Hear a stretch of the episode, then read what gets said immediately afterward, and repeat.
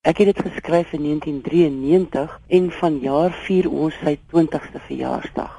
Ek het afgeskop in in Pretoria by die Atterbury Theater vroeër vanjaar daarmee en nou gaan ek dit ook by die boer doen 15 en 16 Augustus. En dit is een van daai goed wat net nie wil gaan lê nie, weet jy. Ehm um, 'n mens kan sekere vertonings weer doen en ander moet jy liewer maar los want dit het mos nou sy lewe gehad en sy doel gedien. Maar hierdie stuk is soos ehm um, oorlede Patrick Meinhardt destyds vir my gesê het, hierdie stuk is jou pensioen my kind. Jy kan hom doen tot jy baie oud is. En dit is inderdaad so, weet jy, dit is soos Herman Charles Bosman se stories. Dis net een storie, maar dit is net dit het alles in wat 'n gehoor wil hê. Mm. En dit is so Suid-Afrikaans. Al sing ek in ses tale, vertel ek 'n storie wat strek vanaf die 1920s in Suid-Afrika tot die 1970s. En um, dit is regtig net 'n 'n 'n voel goed storie oor 'n boeremeisie wat verlief raak op 'n rooi nek in 'n tyd toe dit nie, nie moes gebeur het nie. En ehm um, boeremeisies moet met boereseuns getroud het. En so het het ek 'n uh, storie geskryf wat gaan oor 'n hart wat bly hoop en alles oorkom met liefde. so dis een van daai produksies wat wat mens nie na terugkyk en dink, "Mmm, dis soveel jare terug en ek sou dit en dit en dit anders gedoen het nie." Is hierdie een van daai wat net perfek is en Hy is net soos wat hy daar staan, hmm. perfek. Ehm um, my rokke raak net al hoe groter en ehm um, ek word nou 'n bas, maar maar dit werk, jy weet. Ehm um, ek dink altyd dit is met enige musiekspel want dit is wat ek dit noem jy, jy kan dit nie 'n kabaret noem nie hmm. want dit is 'n storie wat ek vertel met musiek tussenin. So dis baie soos 'n musical, jy weet. Ehm um, ek dink die belangrikste van so 'n werk is die kern en die kern is die teks. Die teks moet sterk wees, jou storie moet sterk wees. En omdat dit 'n tydlose storie is, werk dit keer op keer. Ek het dit al 'n paar keer opgevoer sedert al daai jare gelede. Maar hierdie jaar het ek net besluit, kom ons kyk hoe, hoe die reaksie sal wees daarop en dis fenomenaal. Mense wil dit net weer en weer sien. En weet jy, dis nou soos in 2 of 3 generasies wat dit nou kom kyk. Want ouma het dit gesien die eerste keer, nou bring sy haar dogter en haar dogter het nou ook 'n kind wat ook ja. kom kyk. Maar dit is wat vir my wonderlik is, dit het nie verlore gegaan nie. Dit nee. word blootgestel aan die jonger generasie. Absoluut. Hmm. En dis net een van daai stories wat ehm um, jy, jy kan dit vir enige ouderdom aanbied wat wat ehm um, wat hou van 'n goeie storie.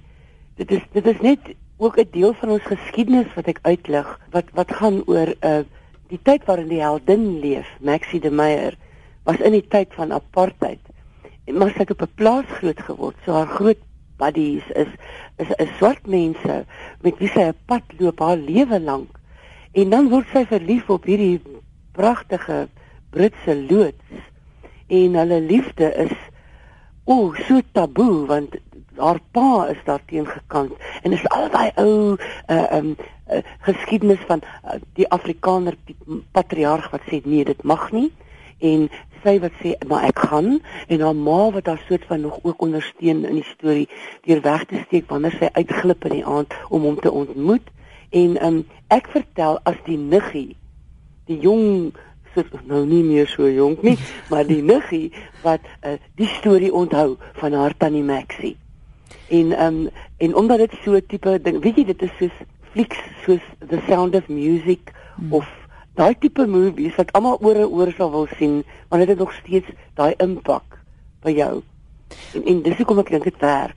Maar is dit nie verstommend ook dat ek meen dis 20 jaar terug geskryf, maar dis nog steeds dit werk vir vandag en daar's tog relevante kwessies nog steeds absoluut, dinge wat mense absoluut. nog steeds vandag want die want die temas wat daar wat wat wat daar deurloop is dit van ehm um, vooroordeel, jy mm. weet nie net tussen tale nie, maar rasse en ehm um, ou geuite dinge wat verbygaan en en en jy besef maar so moeilik gemaak vir hierdie twee mense wat mekaar liefgehad het dat al die vooroordeel van haar ouers en sy ouers in in Engeland kon hulle nie stop nie en wat so ironies is weet jy Christel ek het so 'n paar jaar na ek of the Heart geskryf het en ons het 'n klomp toekenninge daarvoor gewen Toe lees ek eendag in die rapport 'n storie wat by hoendervleis gegee het van 'n man en 'n vrou. Hy het in Engeland tydens die Tweede Wêreldoorlog vermis geraak en sy het in Suid-Afrika gewoon en hulle het mekaar ongelooflik liefgehad en hulle het mekaar verloor en hulle het mekaar weer gevind. Hier was hulle foto's in die koerant, die hele storie. Toe dink ek maar ek het dit al 4 jaar gelede geskryf. Ja. En daar is dit toe wraggies so, jy weet. Nou Amanda, luisteraars wat graag wil bydra tot jou pensioenfonds, hoe maak hulle om te gaan kyk vir die boer? ek dink hulle moet die boer kontak.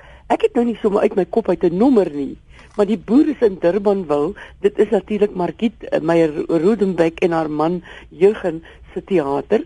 Hulle kan die boer telefonies kontak as hulle op die uh, internet ingaan en op Google die boer intik, sal hulle hulle webwerf kry en daar is die nommer om te bel vir besprekings. Ek sal sommer ook gou die nommer gee, net gou weer die datums wanneer jy daar te sien is. Die 15de en die 16de Augustus. Dit is 'n donderdag en 'n Vrydag aand. Maar ek neem aan dis nie alwaar dit te sien gaan wees nie, gaan jy nog op ander plekke wees die jaar. Ja, ek gaan ook die 1 November in die Atterbury Theater gevra dat ek dit moet terugbring. So dan doen ek dit weer by die Atterbury Theater. Ek dink ook dat ek dit op die 23ste en 24ste Augustus by Rubies in Parys in die Vrystaat gaan doen. En ek wonder of ek moet noem van my in Hannes se stuk uh, voor ek vergeet wat ons nou net gedoen het by Gramstad fees op die hooffees of ek dit mag noem, weet ek Ja, nie. want jy trek van een produk ag Ja, van een fees ja. na die ander. Ons is 29 en 30 Augustus met voor ek vergeet in Middelburg, Transvaal en dan is ons die 31ste Augustus by die Kolligfees in Durban ook met voor ek vergeet. So dit is my nuus wat daai twee produksies aanbetref nou en natuurlik gaan Stykel vir Hart aardklop toe vanjaar. So ek is by aardklop van 24 September tot die 28ste September in Potchefstroom.